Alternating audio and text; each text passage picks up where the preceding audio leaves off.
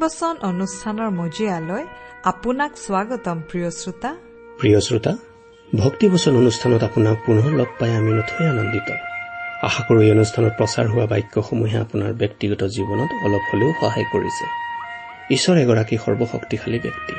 তেওঁ পৃথিৱী আকাশমণ্ডল আৰু সৌৰজগতৰ সকলোকে নিজৰ ইচ্ছাৰে আৰু পৰাক্ৰমেৰে শৃংখলাবদ্ধভাৱে স্থিৰ কৰি থৈছে। তেওঁ প্ৰতিটো বিষয়কে একো একোটা নিয়মৰ অৰ্থাৎ নিজ নিজ সীমাৰ অন্তৰ্ভুক্ত কৰি ৰাখিছে। সেইকাৰণে সকলোবোৰ সুন্দৰকৈ চলি আছে। সেইবোৰৰ এটা বিষয়েও যদি নিজ নিয়মক চেৰাই যাবলৈ ধৰে তেন্তে সকলোবোৰ খেলি মেলি অৰ্থাৎ ধ্বংস হ'ব। আমাৰ জীৱনবোৰো তেনেকুৱা। আপোনাৰ মোৰ জীৱনটোকো ঈশ্বৰে বৰ সুন্দৰকৈ শৃংখলাবদ্ধভাৱে মংগলৰ আঁচনিৰে সজাই ৰাখিছে। ঈশ্বৰৰ পৰাক্ৰমী সুৰক্ষাৰ তলত আপোনাৰ জীৱন সদায় সুৰক্ষিত। তেওঁত আশ্ৰয় ললে আপুনি জীৱনৰ প্ৰকৃত আনন্দ বিচাৰি পাব। তেওঁৰ বাক্যই আপোনাক তেওঁৰ বিষয়ে আৰু অধিককৈ জানিবলৈ সহায় কৰাৰ আশাৰে এয়া আপোনালৈ আগবঢ়াইছো। ভক্তিবচন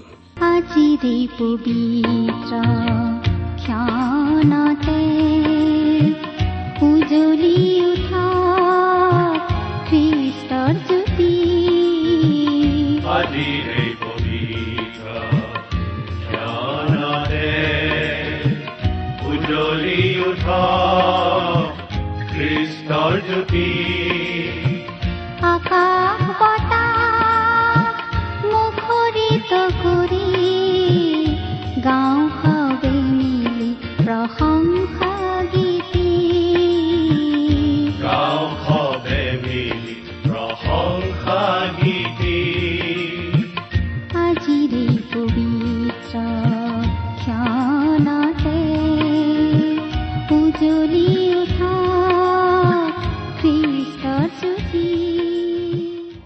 আমাৰ মহান ত্ৰাণকৰ্তা প্ৰভু যীশুখ্ৰীষ্টৰ নামত নমস্কাৰ প্ৰিয় শ্ৰোতা।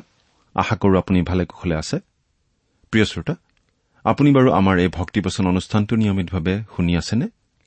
এই অনুষ্ঠান সম্বন্ধে আপোনাৰ মতামত আদি জনাই আমালৈ চিঠি পত্ৰ লিখিছেনে বাৰু? অনুগ্ৰহ কৰি আজি এই দুখাৰিমান লিখি পঠিয়াবচোন।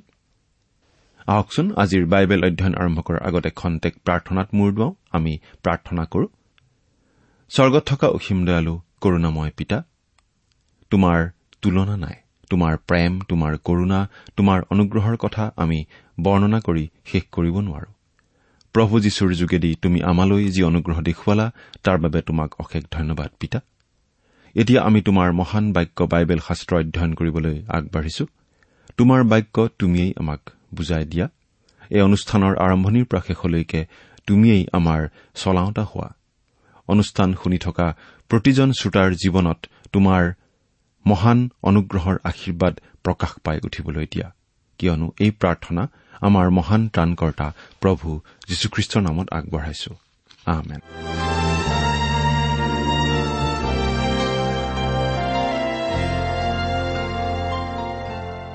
প্ৰিয় শ্ৰোতা আপুনি বাৰু আমাৰ আগৰ অনুষ্ঠানটো শুনিছিল নে আমি বাৰু কি অধ্যয়ন কৰিছিলো আপোনাৰ মনত আছেনে? আপুনি যদি আমাৰ আগৰ অনুষ্ঠানটো শুনিছিল তেনেহলে আপোনাৰ নিশ্চয় মনত আছে যে আমি বাইবেলৰ নতুন নিয়ম খণ্ডৰ তিমঠিয়ৰ প্ৰতি দ্বিতীয় পত্ৰ বা চমুকৈ দ্বিতীয় তিমঠিয় নামৰ পুস্তকখন অধ্যয়ন কৰি আছো। নহয় জানো? যোৱা অনুষ্ঠানত আমি এই পুস্তকখনৰ প্ৰথম অধ্যায়ৰ শেষৰ পদলৈকে পঢ়ি আমাৰ আলোচনা আগবঢ়াইছিলো। আমি আজিৰ অনুষ্ঠানত এই দ্বিতীয় তিমঠিয় পুস্তকৰ দ্বিতীয় অধ্যায়ৰ অধ্যয়ন আৰম্ভ কৰিব খুজিছো। দ্বিতীয় তিমঠিয় পুস্তকৰ এই দ্বিতীয় অধ্যায়টোত খ্ৰীষ্টীয় বিশ্বাসীৰ কৰ্তব্য আৰু কাৰ্যাৱলীক বুজাবলৈ সাতোটা ছবি দাঙি ধৰা হৈছে। এই কথাখিনিয়ে আমাৰ হৃদয়ত বিশেষভাৱে ৰেখাপাত কৰা উচিত কাৰণ শেষ দিন চমু চাপি আহিছে আৰু এই শেষ কালত খ্ৰীষ্টীয় বিশ্বাসী হিচাপে জীয়াই থাকোতে আমি অধিক সাৱধান হ'ব লগা হয়।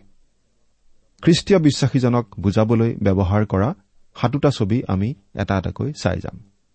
প্ৰথমটো ছবি হৈছে এজন পুত্ৰৰ ছবি। বাইবেলৰ পৰা পঢ়ি দিছো। দ্বিতীয় তিমঠিয় দ্বিতীয় অধ্যায় প্ৰথম পদ। এতেকে হে মোৰ পুত্ৰ খ্ৰীষ্ট যীশুত থকা অনুগ্ৰহত তুমি বলৱান হোৱা। পাচনি পলে তিমঠিয়লৈ এইদৰে লিখিছে। তেওঁ তিমঠিয়ক হে মোৰ পুত্ৰ বুলি সম্বোধন কৰিছে। তিমঠিয় আচলতে পাচনি পৌলৰ শাৰীৰিক সন্তান নাছিল। তিমঠিয়ৰ পিতৃ আছিল এজন গ্ৰীক মানুহ। কিন্তু পাচনি পৌলে তিমঠিয়ক পুত্ৰ বুলি কৈছে আম্মিক পুত্ৰ। কিয় বাৰু? কাৰণ পাচনি পৌলৰ পৰিচৰ্যাৰ যোগেদিয়েই ডেকা তিমঠিয়ে প্ৰভু যীশুখ্ৰীষ্টক গ্ৰহণ কৰিছিল। কোনো লোকে যীশুখ্ৰীষ্টক ত্ৰাণকৰ্তা বুলি গ্ৰহণ কৰাৰ লগে লগে ঈশ্বৰৰ সন্তানৰূপে জন্ম পায় আম্মিকভাৱে আৰু ঈশ্বৰৰ পৰিয়ালৰ সদস্য হৈ পৰে। গতিকে তিমঠিয়েও ঈশ্বৰৰ পৰিয়ালৰ সদস্য কাৰণ তেওঁ প্ৰভু যীশুক বিশ্বাস কৰি ত্ৰাণকৰ্তা বুলি গ্ৰহণ কৰিছিল। তিমঠিয়ই খ্ৰীষ্টক গ্ৰহণ কৰি হৈ পৰিছিল ঈশ্বৰৰ সন্তান। সেইবাবেই পাচনি পৌলে তিমঠিয়ক এনেদৰে কৈছিল খ্ৰীষ্ট যীশুত থকা অনুগ্ৰহত তুমি বলৱান হোৱা। এই কথাটো শুনি খুব ভাল লাগে। অনুগ্ৰহত বলৱান হোৱা। প্ৰিয় শ্ৰোতা যদিহে আপুনি ভাবিছে আপুনি দাঁত মুখ কৰচি দুয়ো হাত মুঠা মাৰি নিজৰ গাৰ জোৰেৰে খ্ৰীষ্টীয় বিশ্বাসীৰ জীৱন যাপন কৰিব পাৰিব তেনেহলে আপুনি হতাশ হ'ব লাগিব।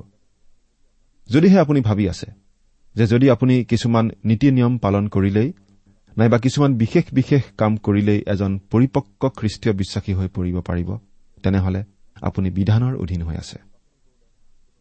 পাচনি পৌলে কোনো নিয়ম বান্ধি দিয়া নাই আৰু খ্ৰীষ্টীয় জীৱন যাপন কৰিবৰ বাবে খ্ৰীষ্টীয় বিশ্বাসীসকলৰ বাবে কোনো ধৰণৰ ধৰাবন্ধা নীতি নিয়ম বাইবেলত বান্ধি দিয়া হোৱা নাই।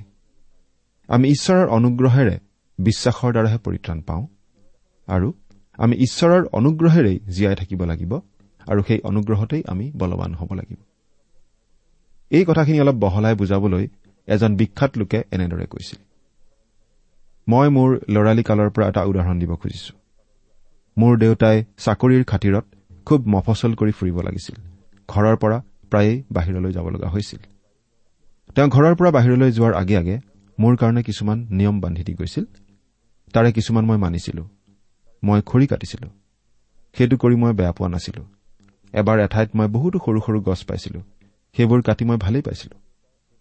কিন্তু মোৰ বাবে দেউতাই আন কিছুমান নিয়ম বান্ধি দিছিল যিবোৰ পালন কৰিবলৈ মই প্ৰায়েই হেলা কৰিছিলো। তাৰে এটা নিয়ম আছিল যে মই নিয়মিতভাৱে ছানডে স্কুললৈ যাব লাগে। কিন্তু আমোদজনক কথাটো হ'ল তেওঁ নিজে কেতিয়াও ছানডে স্কুললৈ নগৈছিল কিন্তু মোক সদায় যাবলৈ তেওঁ বাধ্য কৰাইছিল। কিন্তু তেওঁ যেতিয়া ঘৰৰ পৰা আঁতৰত থাকে তেতিয়া মই ছানডে স্কুললৈ নগৈছিলো। এবাৰ মই ছানডে স্কুল যোৱাৰ সময়ত মাছ মাৰিবলৈ গৈছিলো। আৰু তেনেকুৱা সময়তে মোৰ দেউতা আহি পালে। তেওঁ মোক মাছ মাৰি থকা অৱস্থাত দেখিলে। মই মাছ এটা পালো। ঘূৰি চাই দেখিলো কাষত দেউতা। মই বৰ ভয় খালো। মই দুখ কৰা বুলি কৈ হৈ কাঢ়িলো। আৰু তেওঁ মোক ক্ষমা কৰিলে। তেওঁ মোক অনুগ্ৰহ কৰিলে। তেওঁ কলে তোমালোকলৈ অলপ মিঠাই আৰু বিস্কুট আনিছো। খোৱাহি আহা সঁচা কথা কবলৈ গ'লে মই মোৰ দেউতাৰ ভাল মৰমীয়াল স্বভাৱৰ সুবিধা গ্ৰহণ কৰিছিলো কাৰণ মই তেওঁৰ পুত্ৰ আছিলো। মোৰ চৈধ্য বছৰ বয়সতে মোৰ দেউতাৰ মৃত্যু হ'ল। কিন্তু এতিয়া মোৰ এজন পিতৃ আছে স্বয়ং ঈশ্বৰ পিতৃ ঈশ্বৰ।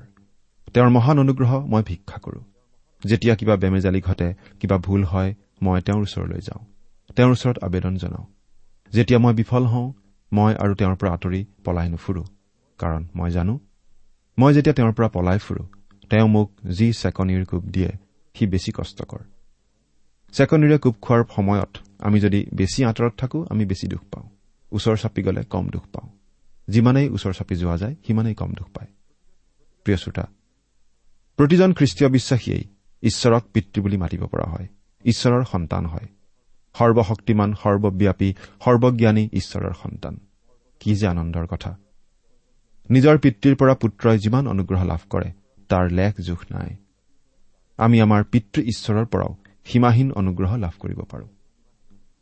আমি যেতিয়া এইটো নকৰো সেইটো নকৰো আদি কিছুমান নিয়ম বান্ধি লৈ খ্ৰীষ্টীয় জীৱন যাপন কৰিবলৈ চেষ্টা কৰো তেতিয়া আমি আচলতে ঈশ্বৰৰ অনুগ্ৰহ ভালদৰে বুজি নোপোৱা বুলিহে পৰিচয় দিওঁ। তেনে কৰিলে আমি নিজৰ শক্তিৰে খ্ৰীষ্টীয় জীৱন যাপন কৰিবলৈ চেষ্টা কৰাৰ নিচিনা হয়। কিন্তু আমি নিজৰ চেষ্টাৰে কেতিয়াও সফল খ্ৰীষ্টীয় জীৱন যাপন কৰিব নোৱাৰো। সেইবাবে পাচনি পলে তিমঠিয়ক কৈছে খ্ৰীষ্ট যীশুত থকা অনুগ্ৰহত তুমি বলৱান হোৱা। এতিয়া দুই নম্বৰ পদটো পঢ়িম। আৰু অনেক সাক্ষীৰ আগত মোৰ পৰা যি যি শুনিলা সেই সকলোকে অন্য লোককো শিকাবলৈ নিপুণ হোৱা এনে বিশ্বাসী মানুহবিলাকত সমৰ্পণ কৰা। পাচনি পৌলে ভৱিষ্যতৰ বিষয়ে চিন্তা কৰিছিল।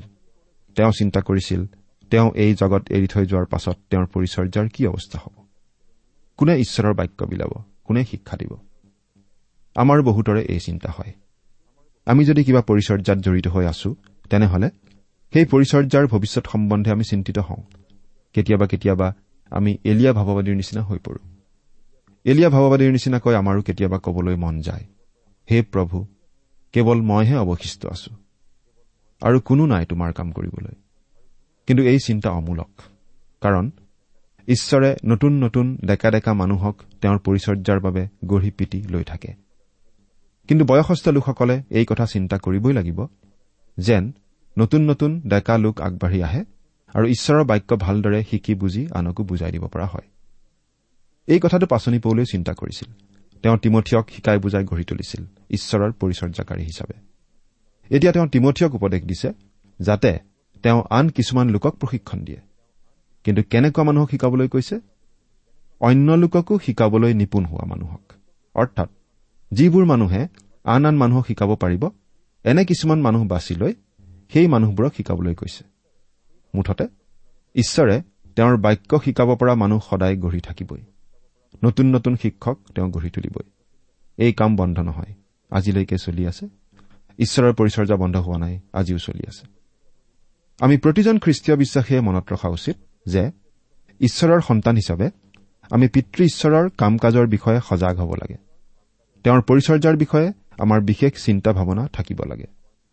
প্ৰভু যীশুৱে মানৱ ৰূপত কিশোৰ অৱস্থাত থাকোঁতেই কৈছিল মই মোৰ পিতৃৰ কাম কৰা উচিত। প্ৰভু যীশু ঈশপুত্ৰ তেওঁ ঈশ্বৰক পিতৃ বুলি সম্বোধন কৰিছিল। আমি তেনেকুৱা ধৰণে ঈশ্বৰৰ সন্তান নহয় ঠিকেই। কিন্তু প্ৰভু যীশুখ্ৰীষ্টক ত্ৰাণকৰ্তা বুলি গ্ৰহণ কৰি আমি ঈশ্বৰৰ সন্তান হওঁ। এই কথাটো আমি জোহনে লিখা শুভবাৰ্তা প্ৰথম অধ্যায় বাৰ পদত স্পষ্টকৈ পাওঁ।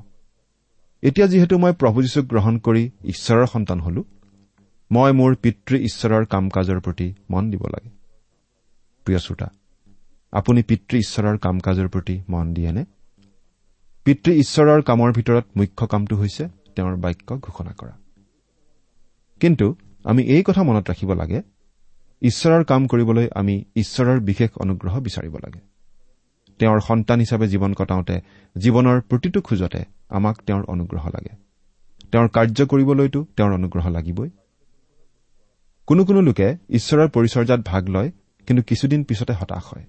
নিজকে লৈ অসন্তুষ্ট হয়। যদি আমি নিজক লৈ অসন্তুষ্ট হৈছো তেনেহলে আমি ঈশ্বৰত ভৰসা কৰা নাই। নিজতহে ভৰসা কৰিছো। কিন্তু আমি ঈশ্বৰৰ অনুগ্ৰহেৰে আগবঢ়া উচিত। আমি আগুৱাব লাগে বিশ্বাসেৰে। নিজৰ চকু নিজৰ মনত ভৰসা কৰি নহয়। হয়তো আপুনি হতাশ হৈছে। যদিহে হতাশ হৈছে তেনেহলে আপুনি হয়তো ঈশ্বৰৰ বাক্যত বিশ্বাস কৰা নাই। আৰু তেওঁ কিদৰে আমাক আশীৰ্বাদ কৰে আপুনি হয়তো বিশ্বাস কৰা নাই।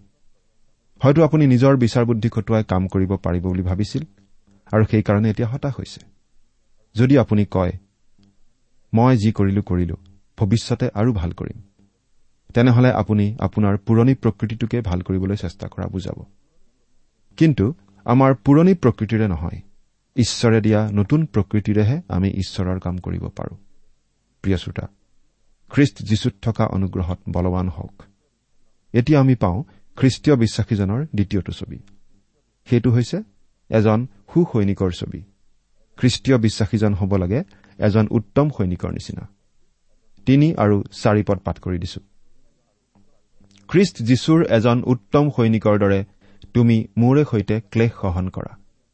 চিপাহী কামত থাকোঁতে কোনোজনে নিজকে জীৱিকাৰ অৰ্থে কোনো ব্যৱসায় পাশত বন্ধ হবলৈ নিদিয়ে। কিন্তু যিজনে তেওঁক চিপাহী কামত ভৰ্তি কৰিলে তেওঁক সন্তুষ্ট কৰিবলৈ চেষ্টা কৰে। খ্ৰীষ্টীয় বিশ্বাসী লোক এজন সৈনিক। কিয় বাৰু?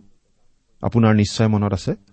আমি ইফিচিয়া পুস্তক অধ্যয়ন কৰোঁতে পাইছিলো যে খ্ৰীষ্টীয় বিশ্বাসীসকলক সদায় ছয়তানৰ আৰু তাৰ শক্তিবোৰৰ বিৰুদ্ধে যুঁজি থাকিবলৈ কোৱা হৈছে।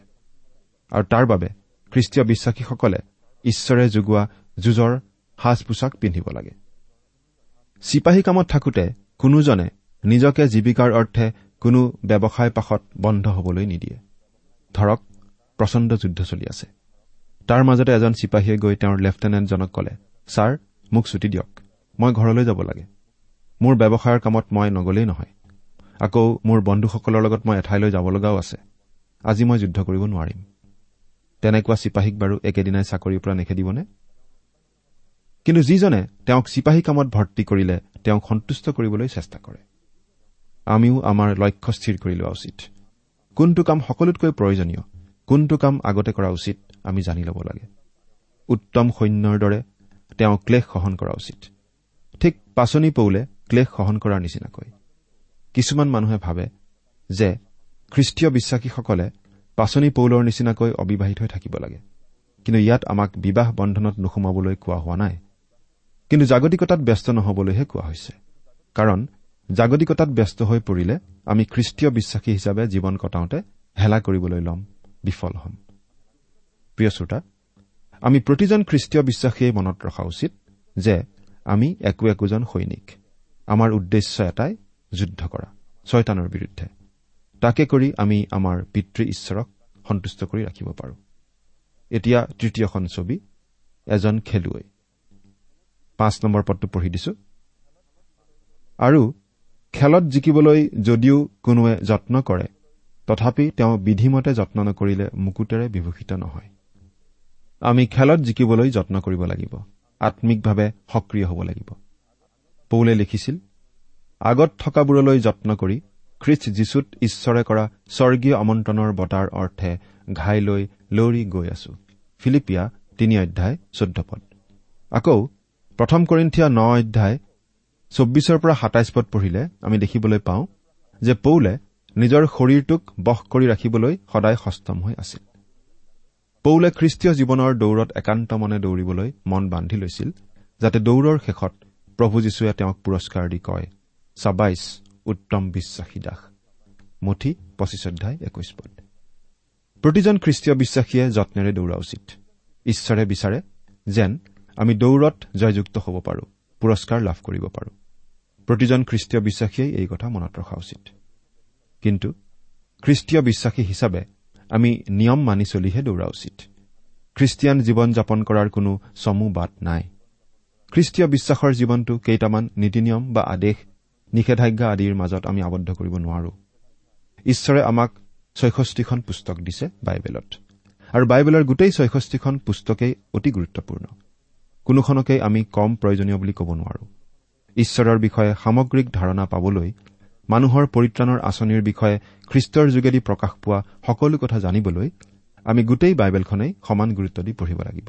কোনো চমুবাদ নাই। এতিয়া আমি পাওঁ চতুৰ্থখন ছবি। খ্ৰীষ্টীয় বিশ্বাসীজনক এজন খেতিয়কৰ লগত তুলনা কৰা হৈছে। ছয় নম্বৰ পদটো পঢ়িছো। যি খেতিয়কে পৰিশ্ৰম কৰে তেওঁৱেই প্ৰথমতে ফল ভোগ কৰিব লাগে। খেতিয়কে মাটি চহ কৰে শস্যৰ গুটি সিঁচে শস্য গজি উঠাৰ পাছত ল'বলগীয়া যত্ন লয় পানী দিয়ে নিৰাই দিয়ে। দিনে নিশাই পৰিশ্ৰম কৰি থাকে। আৰু এদিন সেই পৰিশ্ৰমৰ ফলস্বৰূপে তেওঁ শস্য দাবলৈ পায়। ঈশ্বৰৰ বাক্য সিঁচাৰ কামত খ্ৰীষ্টীয় বিশ্বাসীসকল ব্যস্ত হলেহে আত্মাৰ ফচল দাবলৈ পোৱা যাব। ঈশ্বৰৰ বাক্য সম্পূৰ্ণ ৰূপত অলপো ভাঁজ নিদিয়াকৈ সিঁচিব লাগিব। এতিয়া সাত আৰু আঠ নম্বৰ পদ দুটা পঢ়িছো। মই যি কওঁ তাক বিবেচনা কৰা। কিয়নো প্ৰভুৱে সকলো বিষয়ত তোমাক বুদ্ধি দিব।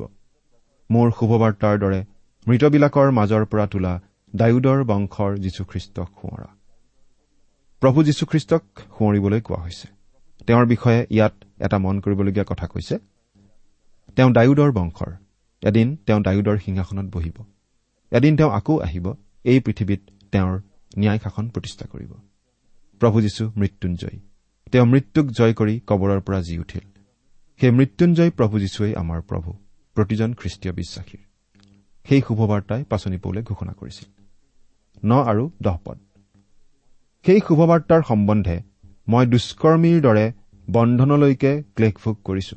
তথাপি ঈশ্বৰৰ বাক্য হলে বন্ধ হোৱা নাই। এইকাৰণে মই মনোনীত লোকবিলাকৰ নিমিত্তে অৰ্থাৎ তেওঁবিলাকেও যেন খ্ৰীষ্ট যীশুত থকা পৰিত্ৰাণ আৰু তাৰে সৈতে অনন্ত গৌৰৱ পায় এইকাৰণে মই সকলোকে সহন কৰিছো। সেই শুভবাৰ্তাৰ হকেই পাচনি পৌলে অপৰাধীৰ নিচিনাকৈ কাৰাবৰণ কৰি দুখ ক্লেশ সহিব লগা হৈছিল। তেওঁৰ অপৰাধ একো নাছিল। কেৱল খ্ৰীষ্টৰ শুভবাৰ্তা ঘোষণা কৰাটোৱে তেওঁৰ সেই দুখ ক্লেশ সহন কৰাৰ কাৰণ আছিল। তথাপি ঈশ্বৰৰ বাক্য হলে বন্ধ হোৱা নাই। পৌলক বন্দীশালত ৰখা হৈছিল। কিন্তু ঈশ্বৰৰ বাক্য হলে বিয়পি আছিল। আজিলৈকে কোনেও ঈশ্বৰৰ বাক্যৰ প্ৰসাৰত বাধা দিব পৰা নাই। কাৰণ ঈশ্বৰৰ বাক্য জীৱন্ত বাক্য। বাক্য প্ৰচাৰ কৰোতাজনক জেলত বন্দী কৰি ৰখা সত্বেও কিবা নহয় কিবা প্ৰকাৰে ঈশ্বৰৰ বাক্য বিয়পি থাকে। এঘাৰ নম্বৰ পদটো পঢ়িছো। এই কথা বিশ্বাসযোগ্য। আমি যদি তেওঁৱে সৈতে মৰিলো তেন্তে তেওঁৱে সৈতে জীৱনৰো ভাগি হ'ম। এই কথাত একো সন্দেহ নাই যে আমি খ্ৰীষ্টে সৈতে যদি মৰো তেন্তে আমি তেওঁৰে সৈতে জীৱনৰো ভাগি হ'ম। আচলতে আমি যেতিয়া প্ৰভু যীশুক আমাৰ ত্ৰাণকৰ্তা বুলি গ্ৰহণ কৰো আমি তেওঁৰে সৈতে ক্ৰুচত মৰাৰ নিচিনা হয়। তেওঁ যে ক্ৰুচৰ ওপৰত মৃত্যুবৰণ কৰিছিল প্ৰায় দুহেজাৰ বছৰ পূৰ্বে সেই মৃত্যু আমাৰো মৃত্যুৰ নিচিনা হয়। আৰু তেওঁ যে তৃতীয় দিনা কবৰৰ পৰা পুনৰুত্থিত হ'ল আমিও সেই পুনৰুত্থানৰ শক্তিৰ আশীৰ্বাদ লাভ কৰিব পৰা হওঁ। আমি লাভ কৰো নতুন জীৱন। যি জীৱন আমি জীৱ লাগে পবিত্ৰ আত্মাৰ শক্তিৰে। বাৰ নম্বৰ পদটো পঢ়িছো। ইয়াত আমি এনেদৰে পাওঁ আমি যদি সহন কৰো তেন্তে তেওঁৱে সৈতে ৰাজত্বও কৰিম। আমি যদি তেওঁক অস্বীকাৰ কৰো তেন্তে তেওঁ আমাক অস্বীকাৰ কৰিব। প্ৰিয় শ্ৰোতা অতি স্পষ্ট কথা অতি খোলা কথা ইয়াত আমাক জনাই দিয়া হৈছে। ইয়াত কোৱা হৈছে আমি যদি প্ৰভু যীশুৰ সৈতে দুখ সহন কৰো তেন্তে তেওঁ যেতিয়া ৰজা হিচাপে শাসন কৰিবলৈ আহিব তেতিয়া আমিও তেওঁৰে সৈতে ৰাজত্ব কৰিব পাৰিম। আমি জানো যে আমি সকলোৱে পাচনি পৌলৰ নিচিনা সন্মান নাপাম। কাৰণ আমি সকলোৱে তেওঁৰ নিচিনাকৈ প্ৰভু যীশুৰ কাৰণে কষ্ট সহন কৰা নাই। কিন্তু আমি এটা কথা মনত ৰখা উচিত যে আমি যদি প্ৰভু যীশুক অস্বীকাৰ কৰো তেন্তে তেওঁ আমাক অস্বীকাৰ কৰিব। তেৰ নম্বৰ পদটো পাঠ কৰি দিম। এইটো বৰ গুৰুত্বপূৰ্ণ পদ। ইয়াত লিখিছে আমি অবিশ্বাসী হলেও তেওঁ বিশ্বাসী হৈ থাকে। কিয়নো তেওঁ নিজকে অস্বীকাৰ কৰিব নোৱাৰে। পদটো আকৌ পঢ়ি দিছো আমি অবিশ্বাসী হলেও তেওঁ বিশ্বাসী হৈ থাকে। কিয়নো তেওঁ নিজকে অস্বীকাৰ কৰিব নোৱাৰে। প্ৰিয় শ্ৰোতা আমি ফাঁকিবাজ দুতলীয়া মিছলীয়া লোক হ'ব পাৰো। হয়তো মুখত এক পেটত এক। আমাৰ এনেকুৱা স্বভাৱ থাকিব পাৰে। আজি কিবা এটা কৰিম বুলি কৈ কালি আমি মন সলনি কৰি হয়তো বেলেগ কিবা এটা কাম কৰিব পাৰো। আজি কিবা এটা প্ৰতিজ্ঞা কৰি অহাকালি হয়তো সেই প্ৰতিজ্ঞা আমি ভংগ কৰিব পাৰো। ঈশ্বৰৰ হকে কিবা কৰিম বুলি সিদ্ধান্ত লৈ হয়তো অহাকালি সেইটো পাহৰি যাব পাৰো। এৰা মানুহৰ স্বভাৱ এনেকুৱাই। আমি আচলতে অবিশ্বাসী। কিন্তু ঈশ্বৰ বিশ্বাসী। ঈশ্বৰ বিশ্বাসী। তাৰ মানে কি? তাৰ মানে ঈশ্বৰে যি কয় সেইটো কাৰ্যত সম্পন্ন কৰে। তেওঁ যি কয় সেইটো পালন কৰিবই। আমি আমাৰ কথা ঘূৰাব পাৰো কিন্তু তেওঁ তেওঁৰ কথা নুঘূৰায় অৰ্থাৎ বাইবেলত যি যি কথা লিখা আছে সেই সকলো কথা ফলিয়াবই এই কথাও আমি বুজি পাওঁ। অৰ্থাৎ এই কথাও আমি বুজি পাওঁ যে প্ৰভু যীশুত ভৰসা কৰা যিমানবোৰ লোক আছে তেওঁলোকে পৰিত্ৰাণ পাবই। কাৰণ তেওঁলোকে পৰিত্ৰাণ পাব বুলি ঈশ্বৰে প্ৰতিজ্ঞা কৰিছে। গতিকে সেই প্ৰতিজ্ঞাৰ লৰচৰ নহয়। সেয়েহে আমি ঈশ্বৰৰ সেই কথাতেই ভৰসা কৰি চলিব পাৰো। এতিয়া চৈধ্য নম্বৰ পদটো পঢ়ি দিছো। তুমি এই সকলো কথা সোঁৱৰোৱা আৰু বাকযুদ্ধ নকৰিবলৈ প্ৰভুৰ সাক্ষাতে তেওঁবিলাকক দৃঢ় আজ্ঞা কৰা। সেয়ে একো লাভ নজন্মাই শুনাবিলাকক নিপাত কৰে। এই সকলো কথা সোঁৱৰোৱা। এই সকলো কথা আনৰ আগতো কবলৈ কোৱা হৈছে। কিন্তু কোনো ধৰণৰ বাকযুদ্ধ নকৰিবলৈ তিমঠিয়ক পাচনি পৌলে সকীয়াই দিছে। কাৰণ তৰ্ক বিতৰ্ক আদিয়ে আচলতে একো লাভ নিদিয়ে। তৰ্ক বিতৰ্কই আমাৰ অন্তৰত বিশ্বাস নজন্মায় বৰং আমাৰ মাজত বেয়া ভাৱৰহে সৃষ্টি কৰে। প্ৰিয় শ্ৰোতা আজিৰ আলোচনা আমি ইমানতেই সামৰিব খুজিছো। কিন্তু শেষত এটা সৰু প্ৰশ্ন সুধিব খুজিছো। প্ৰভু যীশুৱে আমাক পৰিত্ৰাণ দিবৰ উদ্দেশ্যে। আমাৰ হকে যি ক্ৰুচীয় মৃত্যুৰ যন্ত্ৰণা সহ্য কৰি গ'ল সেই কথা সোঁৱৰণ কৰি তেওঁক ধন্যবাদ দি আপুনি বাৰু তেওঁৰ হকে যিকোনো ধৰণৰ ক্লেশ সহন কৰিবলৈ নিজকে প্ৰস্তুত কৰি ৰাখিছেনে? চিন্তা কৰি চাওকচোন। ঈশ্বৰে আপোনাক আশীৰ্বাদ কৰক। আমেন। প্ৰিয় শ্ৰোতা ইমান পৰে আপুনি বাইবেল শাস্ত্ৰৰ পৰা ঈশ্বৰৰ বাক্য শুনিলে। এই বিষয়ে আপোনাৰ মতামত জানিবলৈ পালে আমি নথৈ আনন্দিত হ'ম। আমি প্ৰস্তুত কৰা বাইবেল অধ্যয়নৰ চিডিসমূহ পাব বিচাৰিলে আৰু অনুষ্ঠানত প্ৰচাৰ কৰা কোনো কথা বুজিব লগা থাকিলেও আমালৈ লিখক।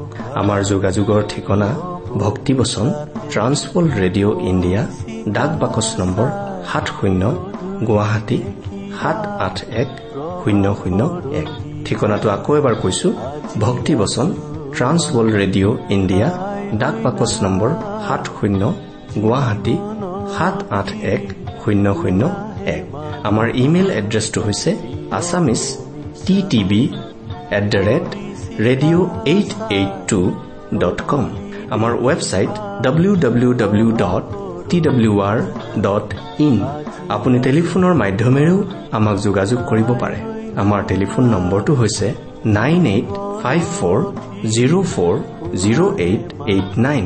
Phone নম্বৰটো আকৌ এবাৰ কৈছো ন আঠ পাঁচ চাৰি শূন্য চাৰি শূন্য আঠ আঠ ন।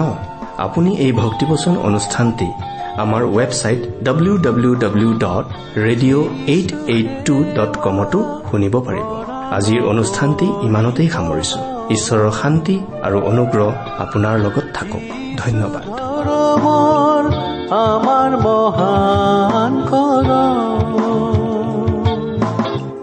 যিছু সেৱা কৰা নকৰি পল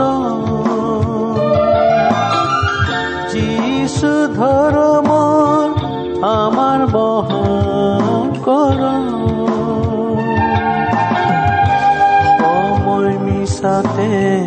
নকৰিবা ক্ষয় যিচুৰ সেৱাৰ এই সময়। আজি আছো আমি কাইলৈ নাই। জীৱনথি শুনাহে মানুহ কি হ'ব মিছাতে পৰিচিকা চাই গধূলি দেখিবা প্ৰভাত পৰহি যায় আজি আছো আমি কাইলৈ নাই। জীৱনথিৰ শুনাহে মানুহ।